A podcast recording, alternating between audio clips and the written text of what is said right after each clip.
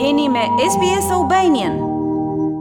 Protestat në mbarë vendin kundër rritjes së çmimeve të naftës dhe ushqimeve kanë sjellë një reagim të dhunshëm të forcave policore ndaj pjesëmarrësve, të cilët në pjesën më të madhe kanë qenë paqësorë dhe nuk kanë kryer akte të dhunshme përveç bllokimit të disa akseve rrugore. Mësohet se mbi 30 persona janë arrestuar dhe qindra të tjerë janë proceduar për pjesëmarrjen e tyre në këto protesta në qytetet kryesore të vendit. Në protestën më të madhe që u mbajt të enjten në Tiranë, policia arrestoi në flagrancë njëzet e tre persona si dhe procedoi penalisht njëzet e tre të tjerë të cilët bllokuan për më shumë se dy orë disa kryqëzime kryesore në bulevardin Dëshmorët e Kombit. Mbi pesëdhjetë qytetarë janë proceduar në Durrës, aty ku sërish pati një protestë të madhe ndërsa dy persona u arrestuan. Arrestime dhe të proceduar pati edhe në Shkodër, Prrenjas, Mirditë, dhe Elbasan. Protestat kundër rritjes së çmimeve vijojnë prej tre ditësh dhe me sa duket kanë gjetur mbështetjen e shumë qytetarëve të cilët vijojnë t'i bashkohen kësaj kauze. Kryeministri Rama të premten në mëngjes ka zhvilluar një takim me furnizuesit e naftës për rritjen e çmimeve. Kreu i qeverisë njoftoi ata se qeveria do të hyjë në administrimin e furnizimit me karburant. Kreu i qeverisë tha se brenda 24 orëve do të kalojë një akt normativ me fuqinë e ligjit dhe për të administruar furnizimin do të ngrihet një bord kombëtar i furnizimit me karburant. Në këtë bord do të jenë përfaqësues të qeverisë dhe pesë përfaqësues të furnitorëve me karburant. Rama njoftoi se çmimet do të miratohen nga bordi dhe kush shkel rregullin do të humbasë pikën e karburantit. Kreu i qeverisë bëri thirrje për patriotizëm dhe u shpreh se kjo nuk është koha për të fituar, por për të rezistuar. Ndërhyrjen e qeverisë e sheh të domosdoshme, pasi sipas Ramës, Jemi në kohë lufte dhe nuk kemi asnjë rrugë tjetër. Dhe sigurisht që edhe ju do të mbani pjesën tuaj, se nuk mund të ndodhë që ju të fitoni asgjë më shumë sesa çfarë ju duhet që të vazhdoni të ndihmoni, të mbështesni, të furnizoni popullin shqiptar. Asnjë gjë më shumë. Dhe për këtë arsye, në këto kushte, ne do të kalojmë Brenda njëzet e katër orësh një akt normativ me fuqinë e ligjit dhe qeveria do të hyjë në administrimin e furnizimit bashkë me ju.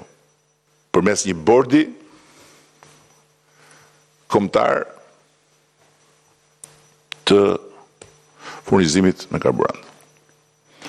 Dhe çdo ditë ju dhe qeveria, pra përfaqësuesit e qeverisë dhe konkretisht Ministrja e Financave, Ministrja e Infrastrukturës dhe Energjisë, Drejtori i Tatimeve, Drejtori i Doganave dhe kryetari i Autoritetit të Konkurrencës do të jenë në tryezë me Pesë përfaqësues nga ju, zgjidhini ju, s'ka asnjë problem dhe nuk do ketë asnjë tabelë në asnjë pikë karburanti ku do të shfaqet një çmim që nuk është miratuar nga bordi. Bordi Kombëtar i Furnizimit me Karburant do të mblidhet çdo ditë, kryeministri Rama kërkoi që ditën e parë përfaqësuesit të ishin të pranishëm fizikisht, në fund të mbledhjes do të jepet dhe çmimi që do të shfaqet në tabelë dhe kryeministri vuri theksin tek zbatimi i këtij rregulli. Ai u shpreh se nuk është qëllimi i qeverisë të imponojë çmime, por të garantojë transparencë të plotë.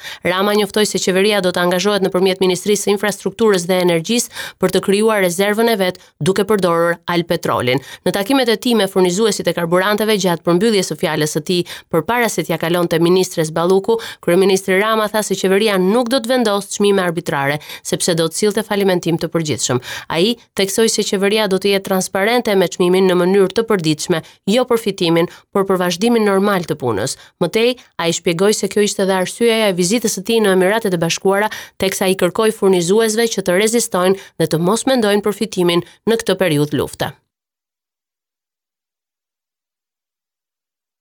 Në zgjedhjet e 6 marsit, Shtëpia e Lirisë e drejtuar nga ish-kryeministri Berisha ka fituar një nga pesë bashkitë dhe u rendit forcë e dytë në katër të tjera. Sipas Berishës, vota e lirë është kushti i vetëm dhe i panegociueshëm që ka ai për daljen nga situata në të cilën ndodhet Partia Demokratike. Pranon se është në diskutime me të gjithë deputetët rebelë të Lulzim Bashës që i kërkojnë atij dorëheqjen dhe respekton mendimin e Grida Dumës, e cila refuzoi t'i bashkohet deputetëve të Komisionit të Rithemelimit. Ndërkaq, nënkryetari i dorëhequr Agron Gjekmarkaj është parë në kafenenë e Parlamentit me deputetët mbështetës të Berishës, Edi Paloka dhe Flamur Noka, të cilët Basha i ka përjashtuar nga partia.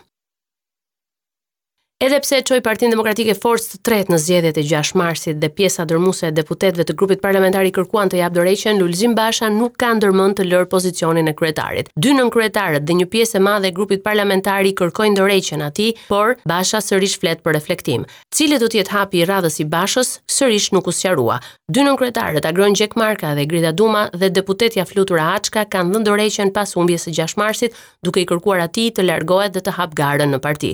Dy kryetarët e tjerë, Enkelejd Alibeaj dhe Jorida Tabaku, mbështetës të Bashës, nuk pranuan të komentojnë kërkesën e kolegëve të tyre për dorëheqjen e kryetarit, ndërsa sekretari i përgjithshëm Gazmend Bardhi mban të njëjtën linjë si Lulzim Basha duke folur për nevojë reflektimi dhe analize. Ndërsa numri i deputetëve që kërkojnë të largohet po shtohet, Lulzim Basha i ka thirrur një tjetër mbledhje të grupit parlamentar ditën e shtunë për të diskutuar mbi hapat që do të ndjekë mes pranimit të mundshëm të kërkesës së tyre për t'u larguar apo refuzimit, siç i sugjerojnë kandidatët humbës të zgjedhjeve të 6 marsit.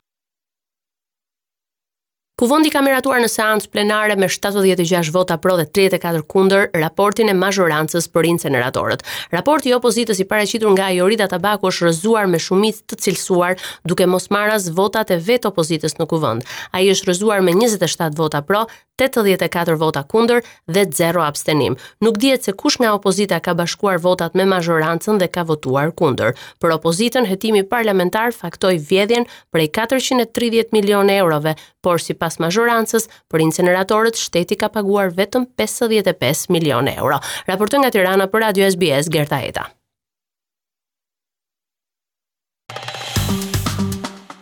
Klikoni në like, ndani dhe komentoni SBS Albanian në Facebook.